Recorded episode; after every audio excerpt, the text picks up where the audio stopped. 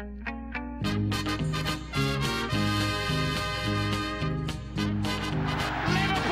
are champions of Europe again. Liverpool are prize winners again. Liverpool is in the record books.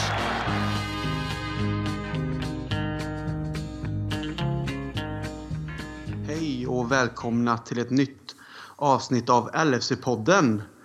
Vi gör det här programmet i vanlig ordning med den officiella svenska supporterklubben på lfc.nu. Och där hittar ni, som ni kanske vet, nyheter, matchrapporter, statistik, tävlingar och krönikor med mera. Så att besök lfc.nu och bli medlem där för att bli en del av den svenska supporterfamiljen till Liverpool så får ni ta del av allt det goda.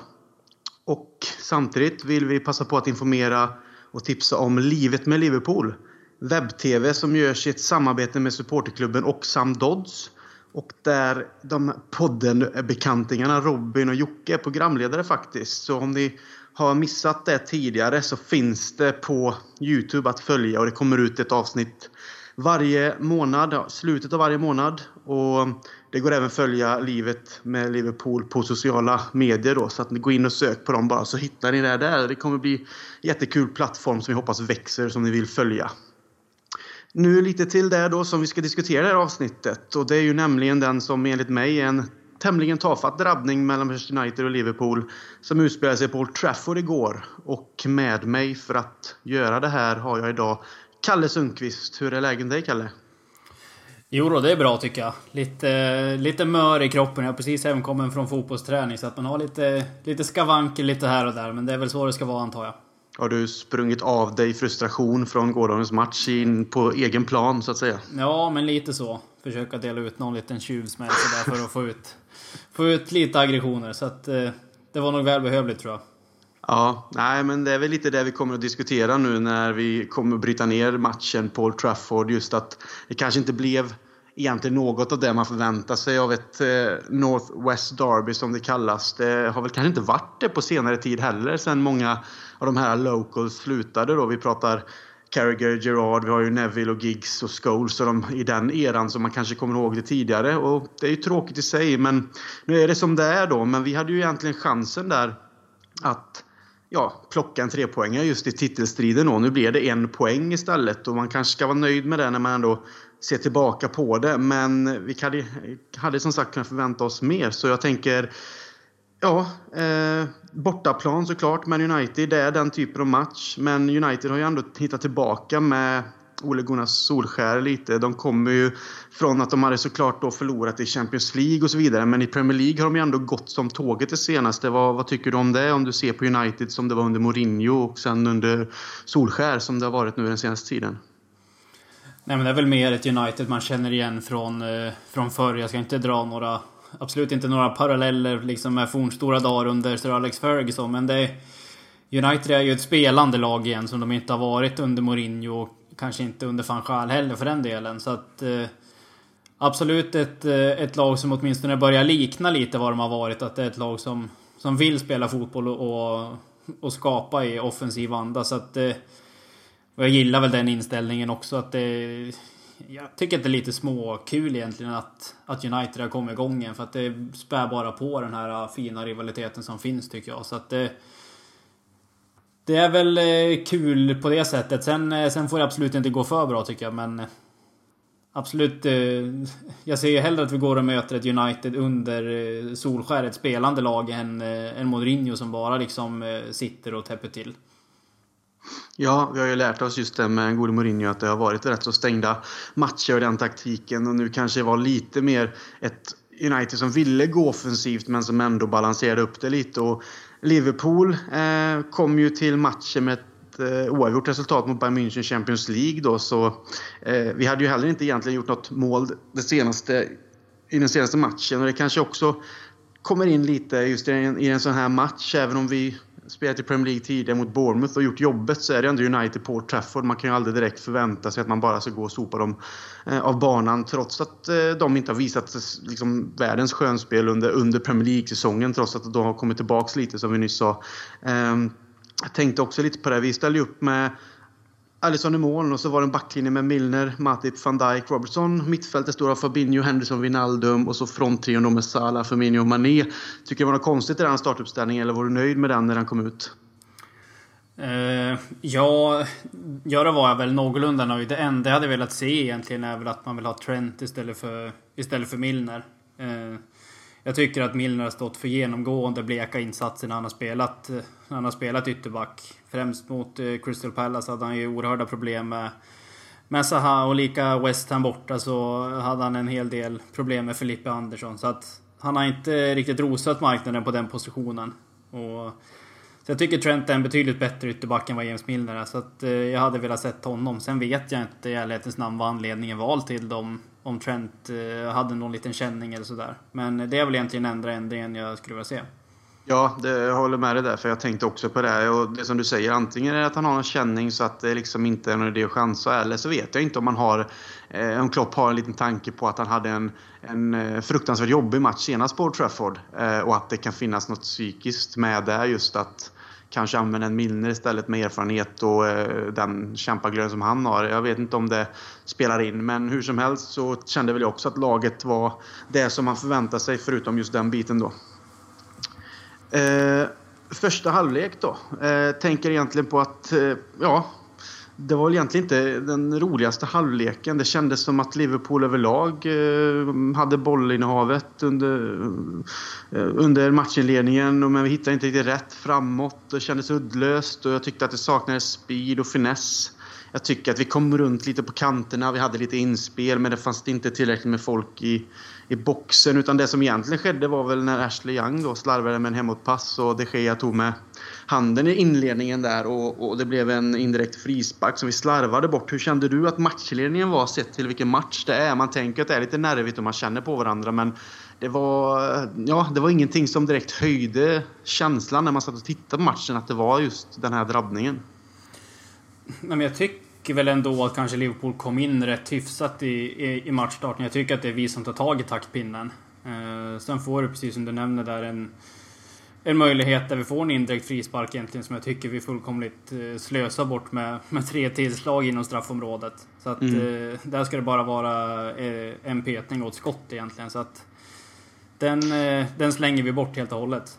Ja, någonstans förväntar man ju sig det att antingen så går man som du säger ett peto-skott eller så har man någon slags variant där man kanske försöker finta sig fram ett sånt avslut. Och sen jag såg att Sala stod ju väldigt ren längst bort. Att man har någon slags lyftning. Jag vet inte om det på något sätt är mer effektivt, men man har en idé. Nu kändes det mest som att man inte hade en aning. Och så som du säger, det blir liksom för många touch. Eh, muren hinner röra sig fram och bara ställa sig i vägen och det kommer ingenting ur, utifrån det. Så att, nej, eh, indirekta frisparkar är svåra för det är så pass nära. Men samtidigt borde man ha en bättre plan anser jag när det väl sker då. Att kunna sätta av ett riktigt avslut eller ha en slags variant. Jag vet inte om du håller med mig? Ja men så är det ju. Sen, jag tror att det, det upplevs kanske lättare om man inte drar en kort petning på första gubben för att då hinner, då hinner de egentligen dit ganska snabbt. Eh, jag vet inte, det var någon säsong sen, jag tror att det kanske var mot West Bromwich när Mignolet stod och kladdade med bollen där ganska länge och vi fick en en indirekt frispark emot oss egentligen där det bara small på en gång. Så att eh, det får inte ta allt för lång tid för att då, då är chansen borta. Ja, absolut. Sen hade vi ju en eh, situation där Matip stövlade fram på eh, Matip-manér egentligen. Vi har ju sett han göra det tidigare och då sågat honom för att han har tagit sig fram eh, offensivt och egentligen bara tryckt sig igenom lagdelar och sen har han tappat bollen när han inte riktigt vet vad han ska göra med den och så har det blivit att en gubbe fattas i försvaret när det blir en kontring för, det, för motståndarlaget då. Den här gången så lyckas han egentligen ta sig förbi eh, mittfältare och kommer till Precis utanför straffområdet så blir han neddragen och får en frispark med sig i ett farligt läge. Så det får vi ändå ge honom att han den här gången lyckades stövla fram och det någonstans ändå gav något positivt från det. Men ja, frisparken, Sala högt över. Vad, vad säger du? Ja, jag vet inte. Man börjar bli... Jag personligen börjar bli ganska fundersam över hur det kommer sig att Sala får ta fasta situationer överhuvudtaget. Och då pratar jag både om frisparkar och och hörnor också för den delen. Jag tycker inte han har... Framförallt tycker jag inte att han har något, något tillslag för att slå den typen av frisparkar. Där har vi andra bättre fötter i laget. Sen eh, hörnor tycker jag det är ytterst sällan han får någon form av leverans på dem. Antingen sitter den på första gubben eller i bortre delen av straffområdet. Så att om jag får bestämma så vill jag nog inte att Salah ska ha fortsatt förtroende. Framförallt inte på frisparkar. Jag vet inte vad du tycker? Jag är beredd att hålla med dig. Jag har faktiskt funderat på det också. Jag menar, man, vi kan prata om Salah och hans målskörd och den effektivitet han har haft sedan han kom till Liverpool. Och det är ju underbart i, i sig. Men just det där tillslaget på eh, liksom stilla boll, om man säger så, i en frispark där du kanske behöver en viss teknik och en viss avvägning för att, för att lägga, lägga in bollen i mål. Nu är det jättesvårt för det här mot de Gea, men jag menar att du ens också ska sätta bollen på mål. Så tycker jag också att det känns inte som att han har det trycket. Och det har man sett många spelare egentligen genom åren som, som inte har, men som är jäkligt duktiga ändå. Jag, alltid, jag tänkte alltid på så Fredrik Ljungberg när det kom till så strumprullar skott och inte ha något eh, tillslag men som ändå var så jäkla effektiv för ett Arsenal på den tiden. Och det, det är väl lite så jag ser Salah också. Att han, han gör mål från alla vinklar och på huvudet och liksom nära mål utanför mål med när han trycker till dem. Just det här med fast situation, frispark, känns inte som att det är så farligt. Utan jag hade ju jättegärna velat se van Dijk upp och ta en sån. Jag menar, jag har ju sett han slå in frisparkar för både Holland, Celtic och även SA-15 någon gång med. Och han har ju ett jäkla tillslag. Så jag, och vi har ju Fabinho för den delen också. Eh, känns väl inte som vi har någon så här riktig frisparksskytt i laget på det sättet ändå. Vad, vad tycker du om det? Eller har du, anser du att det finns någon som känns som den här typiska frisparksskytten som vi kanske haft tidigare? Nej, den saknar vi nu förut. Det finns ju många uppenbara alternativ att, ta fram med kanske Gerard framförallt i spetsen. Men sen var ju Suarez också en bra frisparksskytt. Man glömmer det att han... Absolut. Han stänkte dit ganska många fina, framförallt säsongen 13-14. Mm. Eh, den som kanske är vår främsta skytt nu, det är ju Trent Alexander-Arnold tycker jag. Eh, tillsammans med van Dijk, precis som du nämner. Jag är också lite brydd över att inte han tar fler, fler frisparkar än vad han gör. För precis som du nämnde så har han ju stängt dit eh, en hel del i Celtic och, och 15 i... Han har säkert gjort det i Holland också, inte vad jag har sett. Men det, det finns absolut någon form av kvalitet där med ett tillslag eh, också. Eh, och det är väl någonting vi saknar lite kanske, ett riktigt hot på, på fasta situationer. Eh, och där ser jag väl kanske att Trent är den, den starkaste kanske. Ja, han har ju faktiskt ett jättebra tillslag och det har vi ju ändå sett också att han har haft både frisparksmål och leverans på sina inlägg och hörnor också för den delen. Så det är ju faktiskt en, en fot att prata om i det sammanhanget framöver om det kommer upp uppstår de här äh, situationerna där vi har äh, bra lägen. Så absolut, vi har ändå några att tillgå men vi kan väl vara överens om att Salah kanske ska backa undan vid de lägena och så egentligen göra det han är bäst på. Det är väl kanske göra mål i, i spelet så att säga. Sen, sen ser jag hellre också att han kanske är en av de spelarna som är med och hugger på eventuella returer. För att uppstår en sån situation där det är ytterst få spelare som rår på honom egentligen. Då då kan han ju säkert peta in ett par sådana här Dirk Kuyt-mål från eh, en meter liksom. Så att, eh, jag ser hellre att han är där och hugger än att, än att han ska eh, verkligen stå för de fasta situationerna. Sen eh, kom jag på så här i efterhand nu också, så har ju Shakiri också ett jäkligt, en jäkligt fin frisparksfot. Nu startar ju inte han igår men det finns Nej. alternativ i alla fall. Ja, absolut. Ja, jag håller med dig. Han är också en fri frisparksfot. Men nu har ju inte han heller fått spela senast. Så det blir inte att man kanske räknar in honom direkt när, som sagt, om det är så att du har en startelva och vem som ska ta den. Men jag håller med dig att han är ändå en spelare som jag redan har eh, sagt flera gånger i podden att, att jag verkligen tycker om och sen tidigare också. Så absolut, vi har ju en del fötter som faktiskt kan göra det och jag tycker alla de vi har nämnt egentligen har ett bättre tillslag än, än Salah. Så att vi kan väl gå vidare därifrån att vi ser att någon annan får ta chansen nästa gång. Um, sedan då så händer ju någonting som eh, inte kanske är så konstigt normalt sett, men det blir ju lite konstigare eftersom att det händer flera gånger. Men då blir det så att United får eh, skada tidigt och Ander Herrera byts eh, ut mot Pereira efter 20 minuter. Och sen så händer det att Juan Mata går sönder och Lingard kommer in. Och sen då får Liverpool då byta Firmino mot Sturridge. Och sen får även eh, Alexis Sanchez komma in där som Lingard skadar sig då under första halvlek med. Så United har gjort sina tre byten inom loppet av 45 minuter egentligen. Och det är ju inte någonting man ser så ofta faktiskt. Det får man nog gå tillbaka några säsonger när det har hänt att det liksom har gjorts alla byten i första halvlek tyckte att de sa någonting i studion att det var 13-14 och det hände någon gång i någon match. Följer inte med helt där vad Erik Neva sa men det är ändå någonting man kanske inte ser så ofta. Så att, eh, där tänkte i alla fall jag personligen att, att fan vad gött för nu sitter de i ett läge där de inte har råd med fler skador. De har inte egentligen råd eh, Alltså med en utvisning så kan de inte laborera om heller för de har inte möjlighet att byta in någon annan för, om det nu skulle vara försvarare och ta ut en offensiv spelare eller hur de nu tänker. Så att där tänkte jag att Liverpool kanske skulle verkligen fatta tag om matchen på det här sättet inför andra halvlek. Men eh, ja, jag vet inte, vad tycker du? Vad, vad, vad skedde när man ser till de bytena som United fick göra och sen då såklart att vad sker när Firmino får gå ut och vi får in Sturridge i din, i din mening? Ja, känslan om man ser till de två första United-bytena som de gör. Eh, de kommer ju lite tidigare än det tredje. Eh, att där har vi egentligen chansen att verkligen ta tag i matchen från att den har stått och, stått och vägt lite grann en tid. Mm.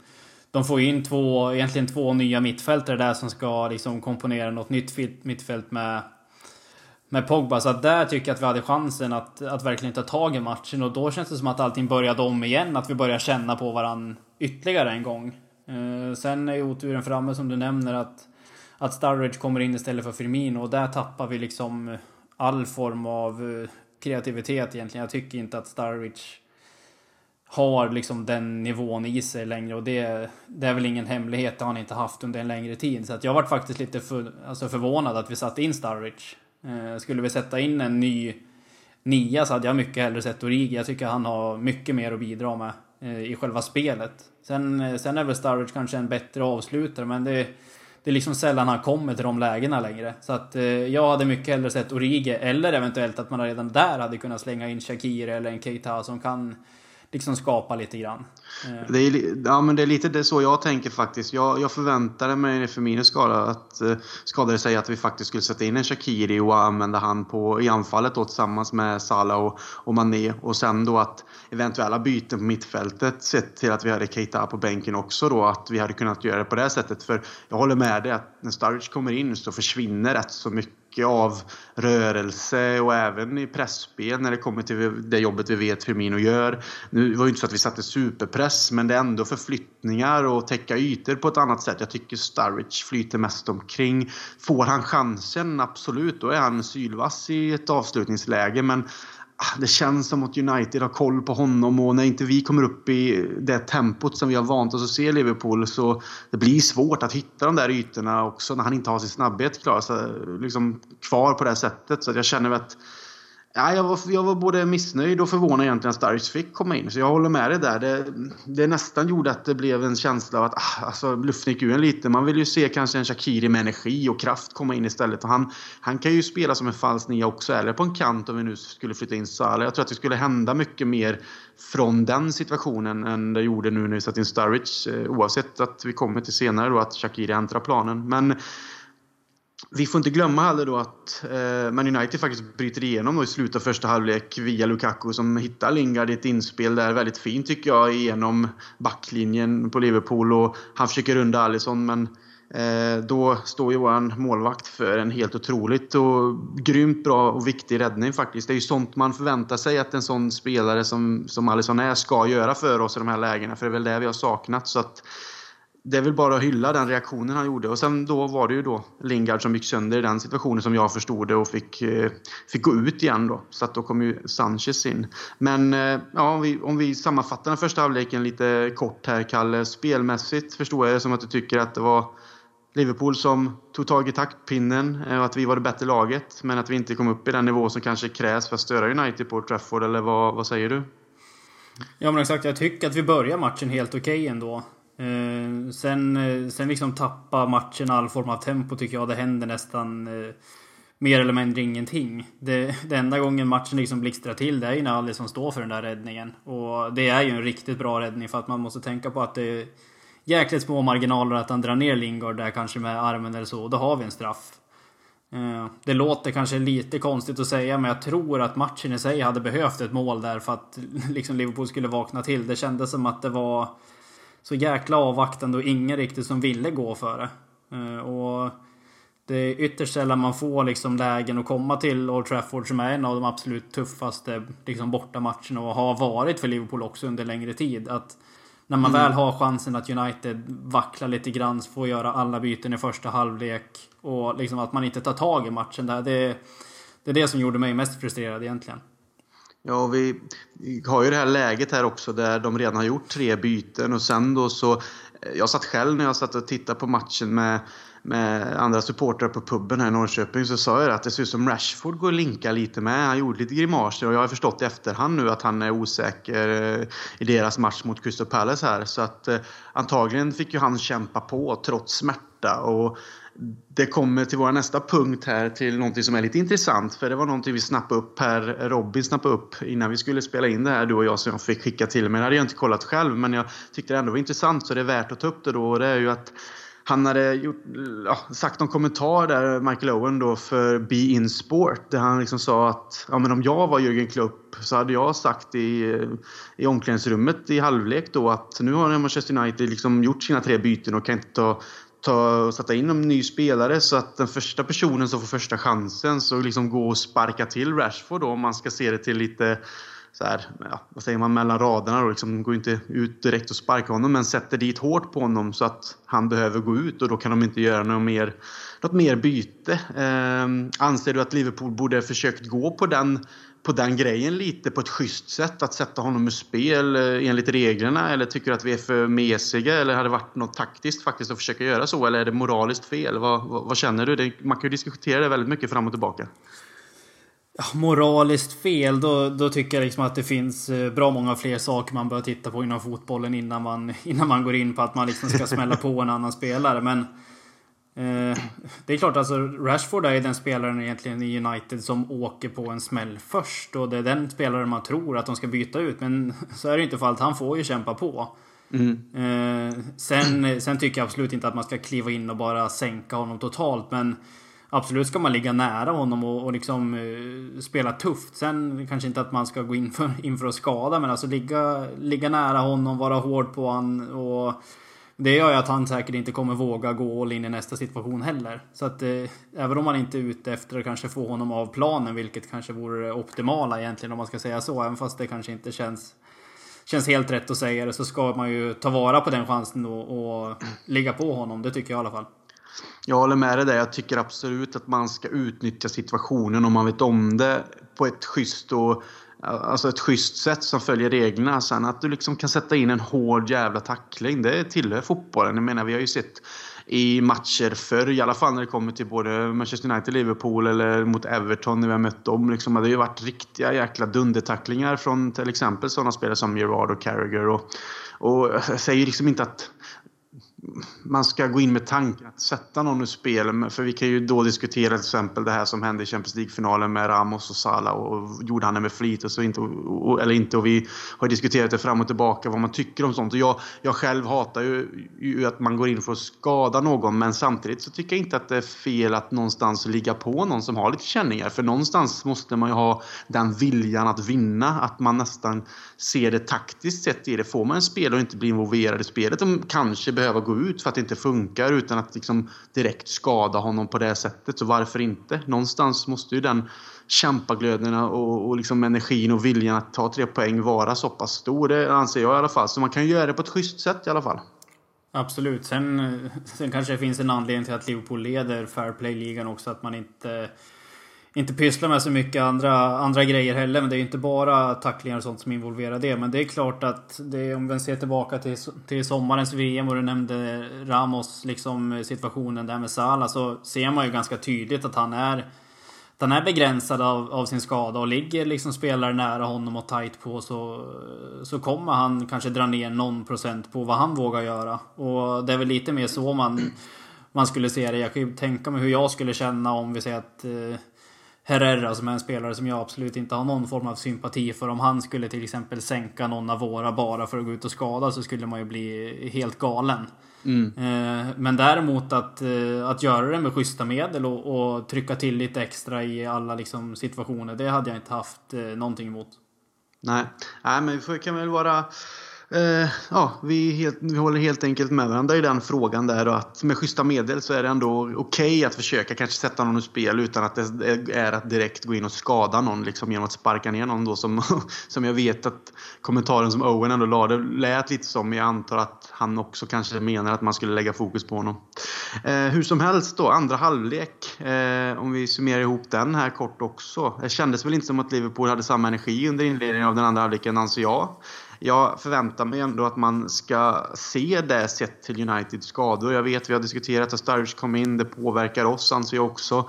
Men eh, någonstans förväntar jag mig att Liverpool ska ta tag i den här möjligheten som ändå dyker upp. De har inte möjlighet till fler byten. Eh, de har inte sitt bästa lag på planen anser jag heller sett till det.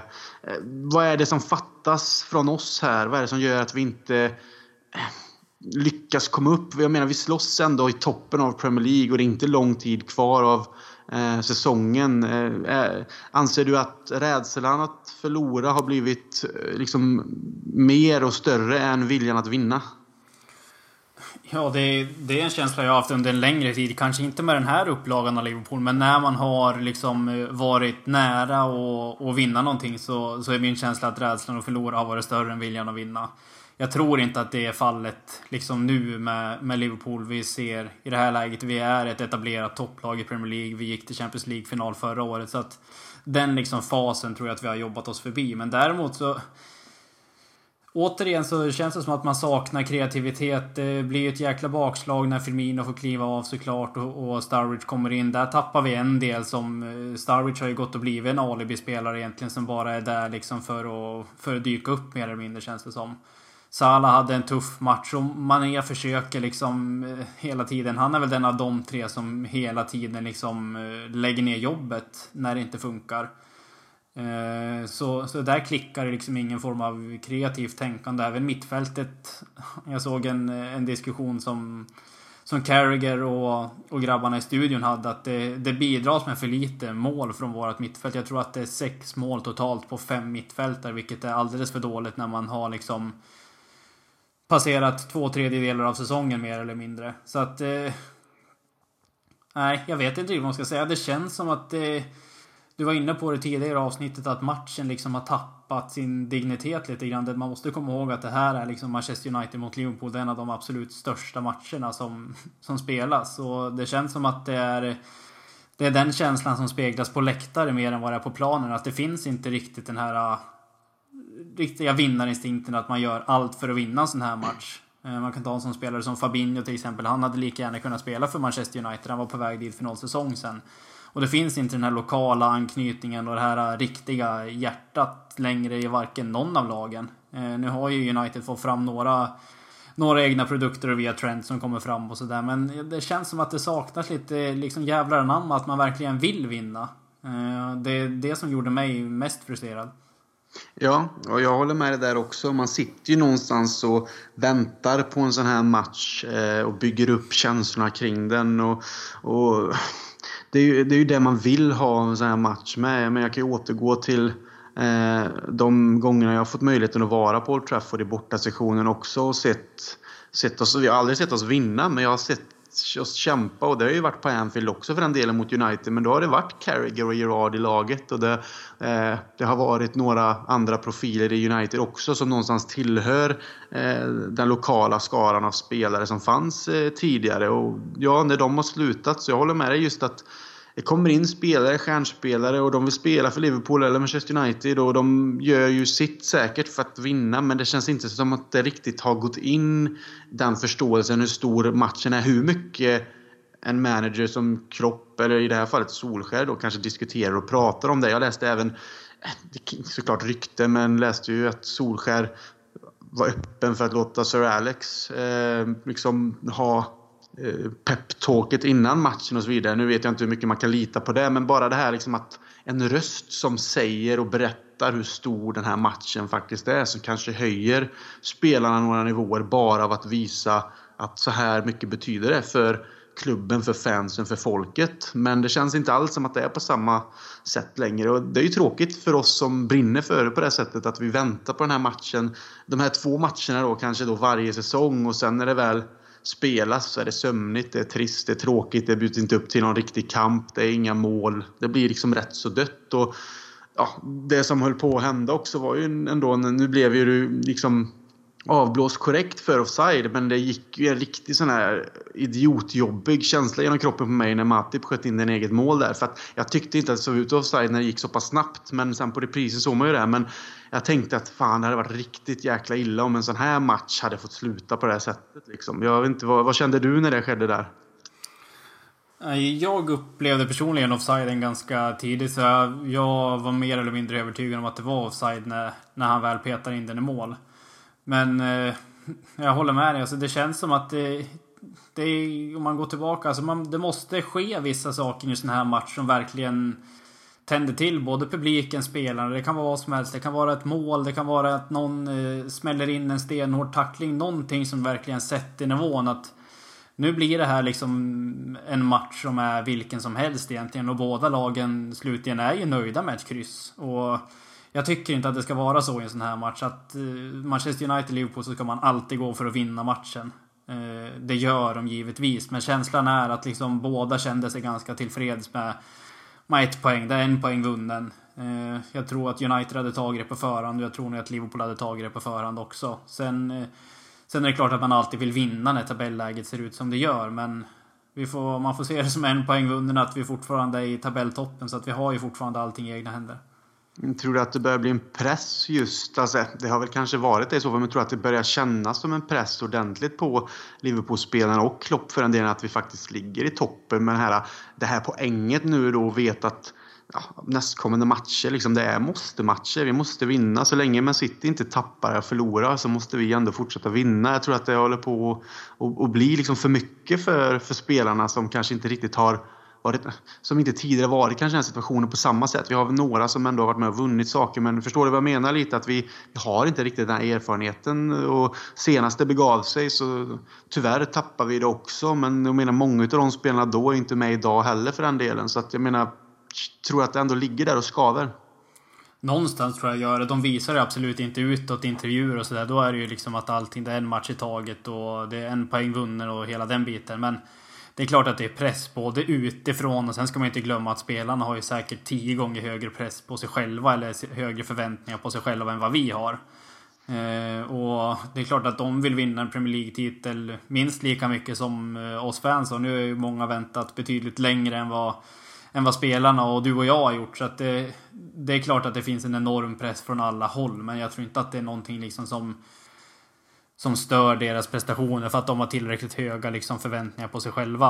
Eh, sen är det klart att det, när situationen har varit som den varit. Vi har haft eh, ett, ett superbra tabelläge och vi har fortfarande ett bra tabelläge. Man får inte glömma det. Men det hade kunnat vara bättre. Och det är klart att tankarna kanske kommer emellanåt att när det, resultaten inte riktigt går vägen. Men eh, vi har, eh, man får säga att vi har allting i egna händer. Det låter ju klyschigt men eh, det är ju faktiskt så.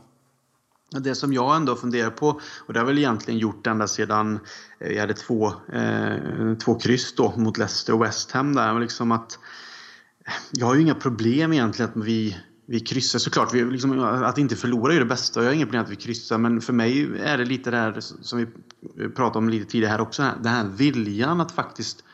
Eh, att man någonstans som fan liksom förstår att spelarna verkar förstå att de har ett sånt gediget läge att kunna gå hela vägen trots ett Man City som är helt superbt i det, i det avseendet. Att de, de sätter nivån och ribban i, i Premier League nu för tiden sett till vad de gjorde förra säsongen, sett hur de spelar sen de hade sin dipp på några matcher. Men för mig handlar det mer om att jag faktiskt, jag har inga problem att Liverpool skulle tappa poäng eller förlora så länge man faktiskt har visat den jävla anammaviljan att vinna och nästan svettas blod. Alltså förstår du vad jag menar? För att någonstans, man kan gå och förlora en match, man kanske äger matchen, man springer som idioter, man liksom svettas ihjäl och man har gjort allt i sin makt men det går ändå inte vägen. Men man har ändå försökt. Jag får en känsla av att visst, vi har fått eh, kryss och sånt men det känns som att vi har gått lite på halvfart. Jag vet att det kan komma formsvackor, jag vet att det kan finnas skavanker på spel och så vidare men eh, förstår den här känslan av att någon lyfter, till exempel en van Dijk som är ledare, som till exempel Carragher kunde göra. Att det kommer in den här känslan att vi gör det här tillsammans och vi ska liksom springa tills vi dör nästan. Eh, håller du med mig eller tycker du att jag är, lever i någon slags nostalgisk värld där, där det ska vara på det sättet? Nej, men det är klart att den känslan kan infinna sig ibland. Men samtidigt, liksom, man måste tänka på att det är en lång säsong med liksom 38 matcher. Det kommer komma svackor och det kommer komma kryss. Man kan inte förvänta sig att vi ska gå rakt igenom en säsong och spelarna är slitna och det är många turneringar. och i grund och botten liksom så snurras det ju mer eller mindre på samma spelare hela tiden. Så att det kommer komma tillfällen där man eh, åker på ett kryss mot ett sånt lag som Leicester och sen åker man på ett kryss borta mot West Ham som var kanske den matchen som frustrerade mig allra mest egentligen. För att där...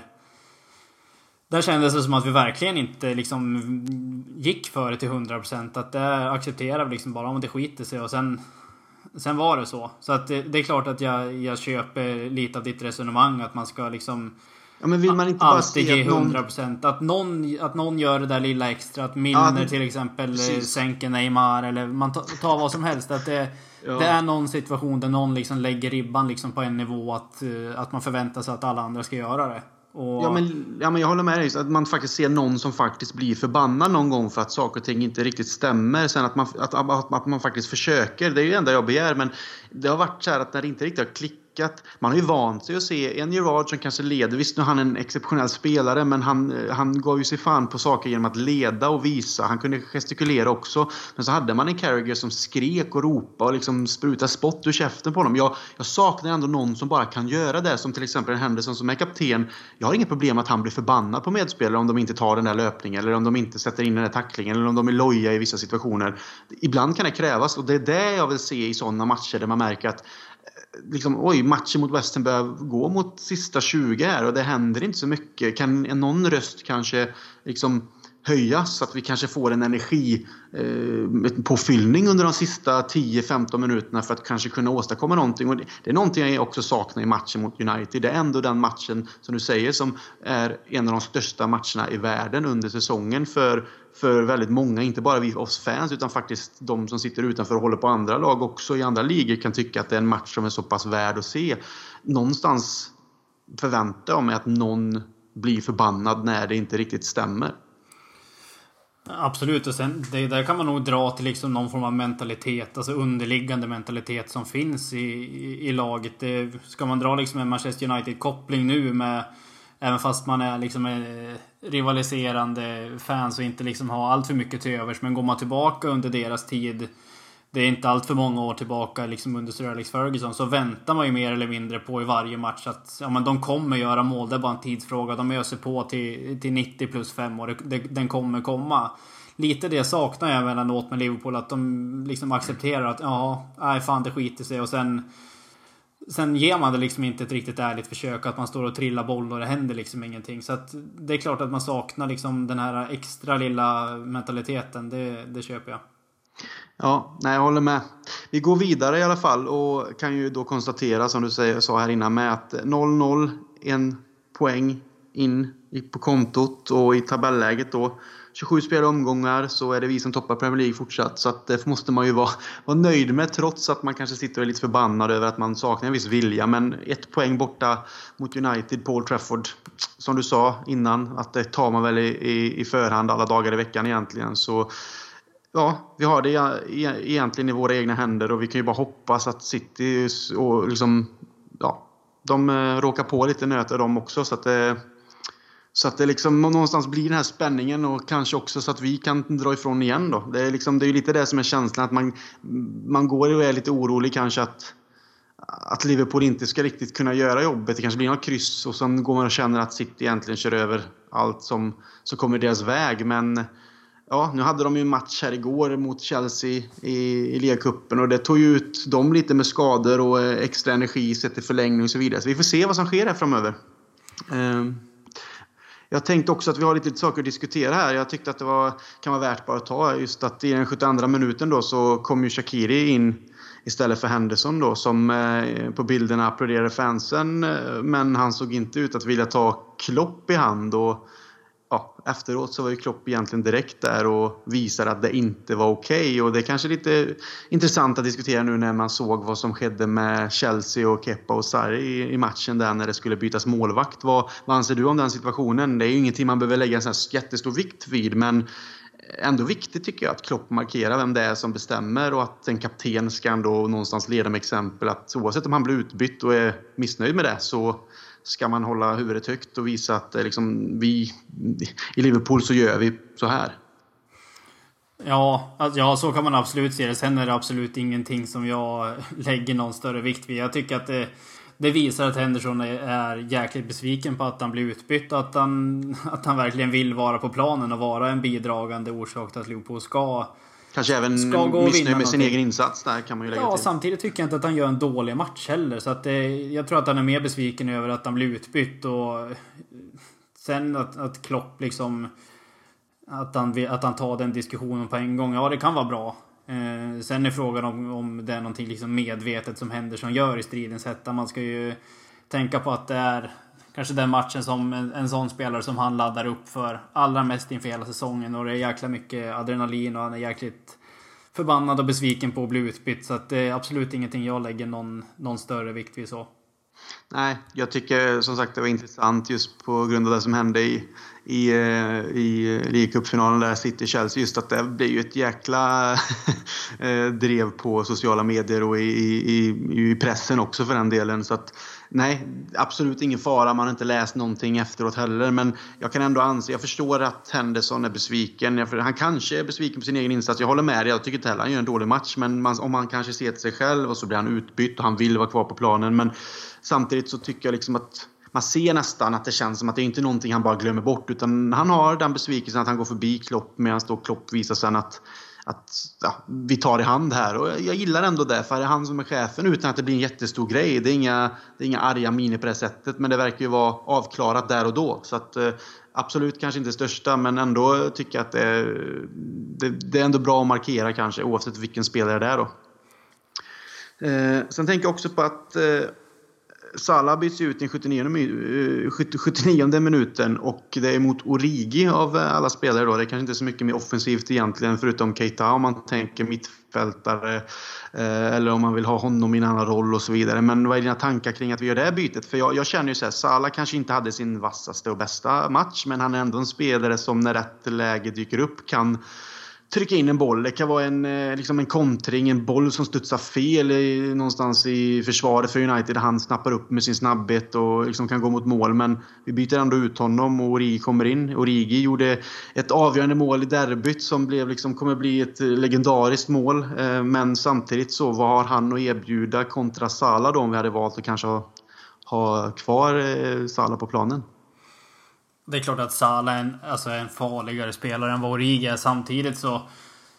Han, han, har, han är ju uppenbarligen i en formsvacka nu. Utan att inte ha gjort, eh, liksom gjort speciellt mycket mål senaste tiden. Och då... Det har vacklat i 80 minuter här igen på Old Trafford. Han har liksom inte fått eh, någonting uträttat egentligen. Sen... Eh, sen så, sen så har han det ju... Han har det ju tufft. Det, det är ju uppenbart. Men att byta in Origi, det är väl liksom försöka få någon liksom form av sista injektion i matchen och liksom kunna skapa någonting. Som jag nämnde tidigare, skulle man göra ett rakt byte på nia hade jag velat sett eh, honom direkt egentligen istället för Starwich. Så att...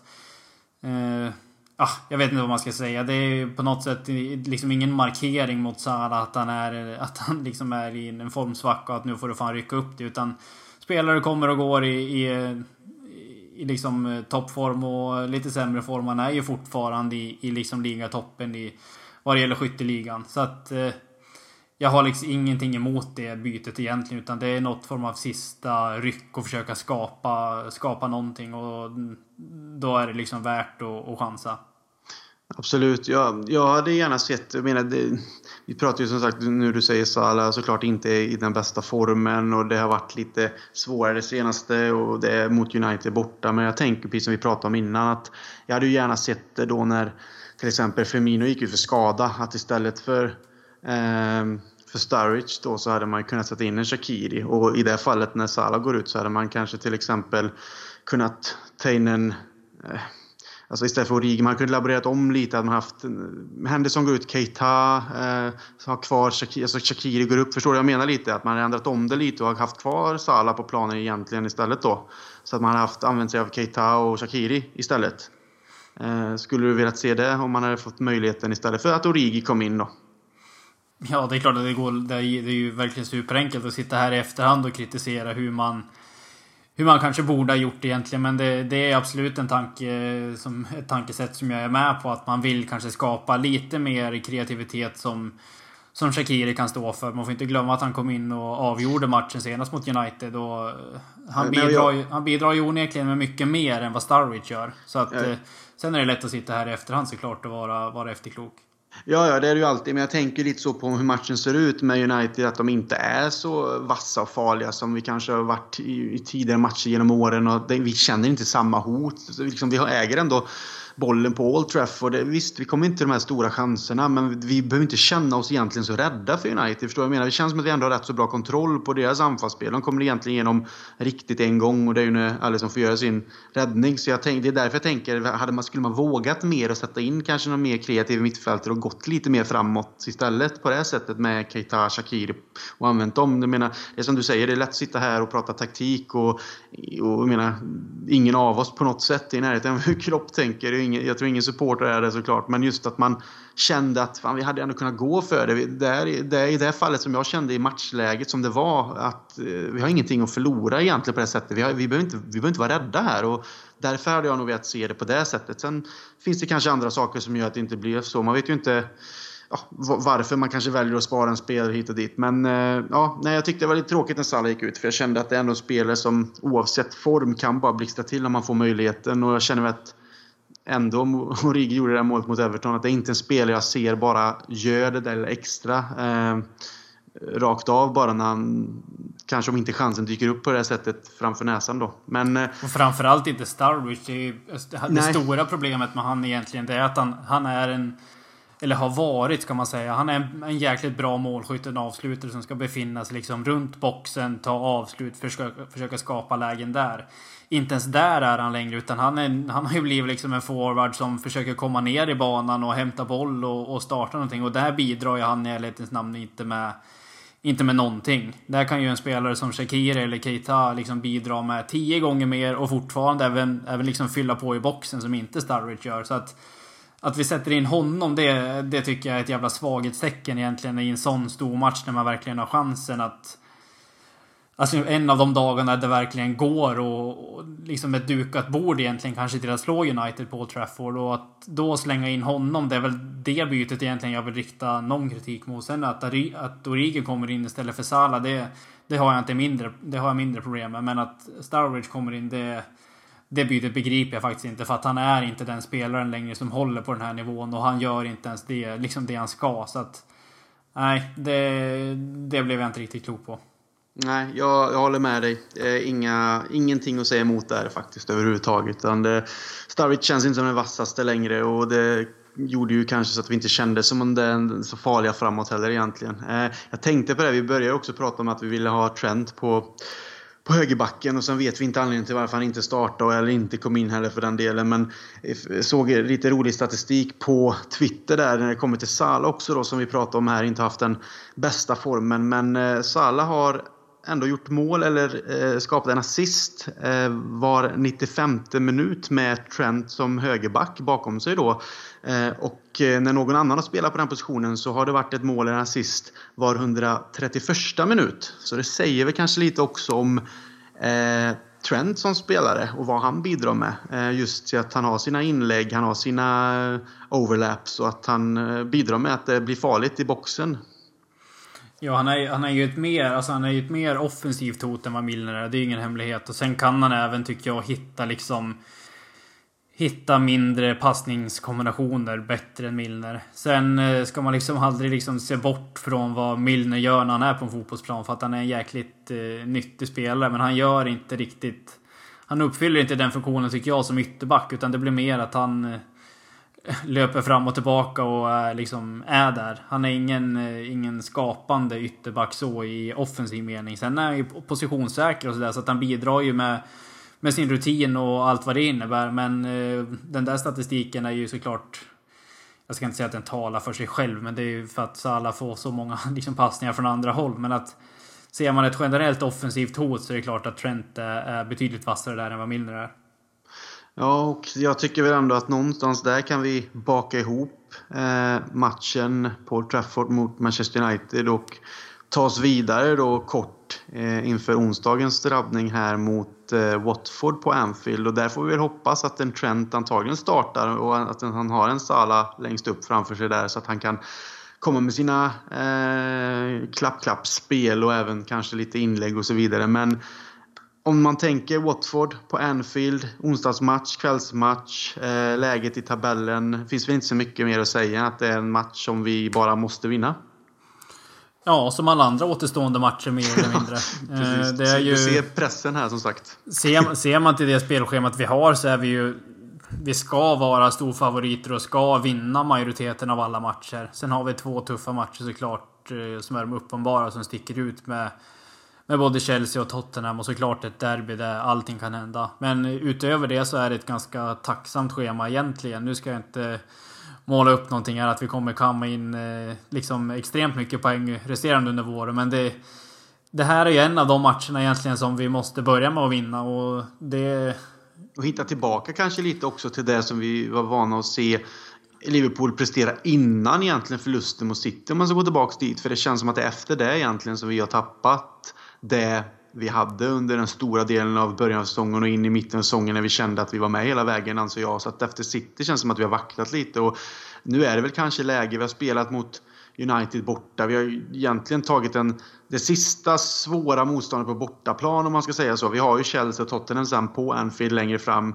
Vi har ett derby som du nämner där man aldrig vet vad som händer. Men egentligen så är det väl kanske nu som, som du säger att det är dags att kanske påbörja den sista nya eran i slutet av säsongen och börja med Watford att köra över dem och börja ta tre poängarna och visa att vi, vi vill verkligen det här. Absolut. Sen tror jag, att, jag tror att det är bra att matchen liksom kommer tätt inpå egentligen. Att nu, nu får man köpa, köpa krysset där. Vi är fortfarande ligaledare och, och gå upp mot ett Watford som är liksom ett spelande lag, vilket jag tycker passar Liverpool bra. Nu, nu kommer de starkt från en 5-1 vinst eh, borta mot Cardiff i helgen. Så att de kommer också med vind i seglen och kommer säkert vilja liksom eh, jobba vidare på det och, och, spela sitt spel. Så att jag tror att det kommer bli en match som generellt sett den typen av matcher som passar Liverpool ganska bra hemma på Anfield och, och sådär. Sen, eh, sen har man ju märkt ganska stor skillnad liksom på på spelarnas inställning beroende på vad det är för liksom, atmosfär på, på Anfield och sådär. Men en, en kvällsmatch som ligaledare med 11 matcher kvar, då, då tycker jag inte att det finns någonting att liksom fundera på. Då får publiken spotta ut pajen och skrika lite grann och, och, och köra liksom. Så att det, det, det finns ingenting, och, ingenting att fundera på nu utan det är liksom skygglapparna av och bara gasa resten av säsongen. Ja, det är lik det. Jag håller med dig. Det finns absolut ingenting som gör att supporterna ska hålla tillbaka när det är på hemmaplan eller att spelarna på något sätt ska hålla tillbaka på hemmaplan. Jag, jag förstår det taktiska när man spelar borta och så vidare, men på hemmaplan Liverpool är grymt starka på hemmaplan och vi har liksom en publik som är världsklass när vi sätter den sidan till. Och kan vi lyfta spelarna genom att hjälpa Eh, dem och sjunga fram dem, de som är på plats och få liksom laget att känna att, de, att supportrarna står bakom dem hela vägen egentligen in till vad som kan bli en, en, en sagolik säsong på det sättet. Så, eh, och Klopp har ju varit ute och sagt också så absolut, som spelare och fans går tillsammans och bara se till att vi börjar mot Watford och tar de här poängen. Nu tänker jag då Firmino eh, läste nu här ikväll att det eh, kan vara så pass allvarligt att han blir borta en tid. Det är inte riktigt eh, bekräftat men att han antagligen inte är aktuell för Watford på onsdag. Så hur känner du med laget där om du fick ställa upp det? Hur, hur vill, du, hur vill du spela om en Firmino då antagligen inte finns med i, i de planerna? Ja, vi får väl göra de förändringarna vi har efterfrågat här som att vi skulle göra mot, mot United egentligen. Sen kan man eh, liksom rotera runt lite grann på mittfältet. Jag tycker att vi ska ha samma backlinje bortifrån att Trent kommer in. Att vi, att vi petar in Shaqiri tillsammans med, med Salah och Mané offensivt egentligen. Sen går det att kombinera det där mittfältet liksom lite hur man vill. Men det här är ju en match där vi ska, ska vara bollförande och diktera tempot och försöka liksom skapa lite grann. Så att jag ser gärna eh, Gärna att Fabinho fortsätter givetvis. Jag tycker han är eh, ett ankare som vi ska ha i, i varje match. Wijnaldum likaså. De tycker jag två är, är givna. Och sen eh, har Keita visat liksom eh, uppåtgående form på slutet och man, man såg liksom vissa glimtar vad han går för. Så att eh, de tre skulle jag vilja se på, på mittfältet egentligen. Och Shakiri, Salah om han är framåt. Mm, jag är precis inne på samma spår här. Jag, jag, kan säga det att jag direkt idag när jag såg att Robin skrev ute på Twitter, det laget han ville se, så var jag inne precis på samma. Och det är det som du, du nämnde här Kalle, att det är ju såklart Alisson och så är det Trent, Matip, van Dijk, Robertson, Fabinho som ankare, Wijnaldum och Keita framför och sen har vi eh, en Shakiri då som går in där uppe istället för en skada Firmino. Så hur man väljer att spela där uppe då är väl en annan grej. Men att det är de spelarna som hemma på Anfield med offensiv ska egentligen utan problem kunna göra det här jobbet mot Watford med all respekt. Trots att de kommer från då en, en stor vinst senast så har vi de här spelarna som kan gå framåt och liksom luckra upp ett, ett Watford och ja, tänker att det skulle kunna göras ett antal mål faktiskt. Om vi ska tippa resultat också, så vad tror du att det, att det blir? Jag tror på en liten islossning. Eh, Salah har ju fått lite kritik både från, eh, från höger och vänster på att, att måltorkan är här för att stanna. Men jag tror att vi kommer vinna med ett par bollar. Så att vi säger väl... Ja, vad ska vi dra dit med? 4-1. 4-1? Ja. Eh, jag vill ändå någonstans gå så pass att jag känner att vi kommer hålla, vi kommer hålla nollan på Anfield och jag säger ändå att vi också tror att jag, jag tror också att vi kommer göra några mål så jag säger 3-0 då till Liverpool helt enkelt. Ja, taget. Så eh, oavsett vad det skulle bli av de två resultaten så är vi nöjda, eller hur? Absolut. Det är liksom ingenting, eller resultatet är skitsamma egentligen men det vore uppenbarligen att, alltså liksom jäkligt trevligt om vi kunde dels stå för en jävligt bra insats där det kan lossna för den här front eh, trion framförallt där vi får byta ut eh, Firmino nu och troligtvis mot Shakiri. Och att vi tar tre poäng såklart. Det är absolut viktigast. Ja, alltså det viktigaste som du säger, resultatet. Så vinner vi med 1-0 så tar jag det också. Men alltid skönt att göra ett ett antal mål och känna att man hittar kanske både lite form och självförtroende på det sättet igen. Man märker att det flyter på och det är olika spelare som bidrar till mål och så vidare. Men så att kan vi börja med det mot Watford nu på onsdag så kan vi kanske gå in sen med det självförtroendet i ett derby borta mot Everton senare. Och och förhoppningsvis att det kan bära oss där också. Och det kommer vi återkomma omkring i LFC-podden längre fram. Men ja, egentligen är det väl ingenting mer att, att addera här om inte du har någonting speciellt. Nej, inte sådär rent spontant. Pusha en gång till för livet med Liverpool. Jag vet att det har spelats in ett nytt avsnitt idag så att det ligger väl där och och, och gosa till sig lite. Ligger och drar där lite under lite redigering och sådär. Och sen eh, liksom hålla utkik i våra sociala kanaler som vanligt. Vi är ju en liga som kommer dra ner till München också på, på matchen. Så därifrån kommer det nog också komma, komma ut lite roligt och nyttigt material. Så att eh, hålla, hålla sig uppdaterade i våra våra kanaler. Absolut, och du och jag spelade också in ett... Det vårt sista poddme-avsnitt här igår om supporterskapet till Liverpool och vad det betyder. Det finns också ute för de som fortfarande har kvar Podme och när man väl lyssnar på det så är det eh, hög tid att kanske stänga igen den plattformen då. Och som sagt, vi tackar alla som har följt oss där. Och Glöm inte att gå in på lfc.nu heller där ni hittar den svenska supporterklubben och sen som Kalle sa följ oss på de sociala medierna då LFC-podden och även då Livet med Liverpool. Och med de orden då så tackar jag dig Kalle för idag och så får vi se fram emot onsdag och tre poäng. Absolut. Och sen får vi inte glömma att tro på det här nu. Vi leder fortfarande ligan och vi har allting i egna händer. Så att nu ska vi ro det här i hamn, eller hur? Det ska vi. Vi stänger igen med de orden. Så tack så mycket för att ni har lyssnat så hörs vi snart igen.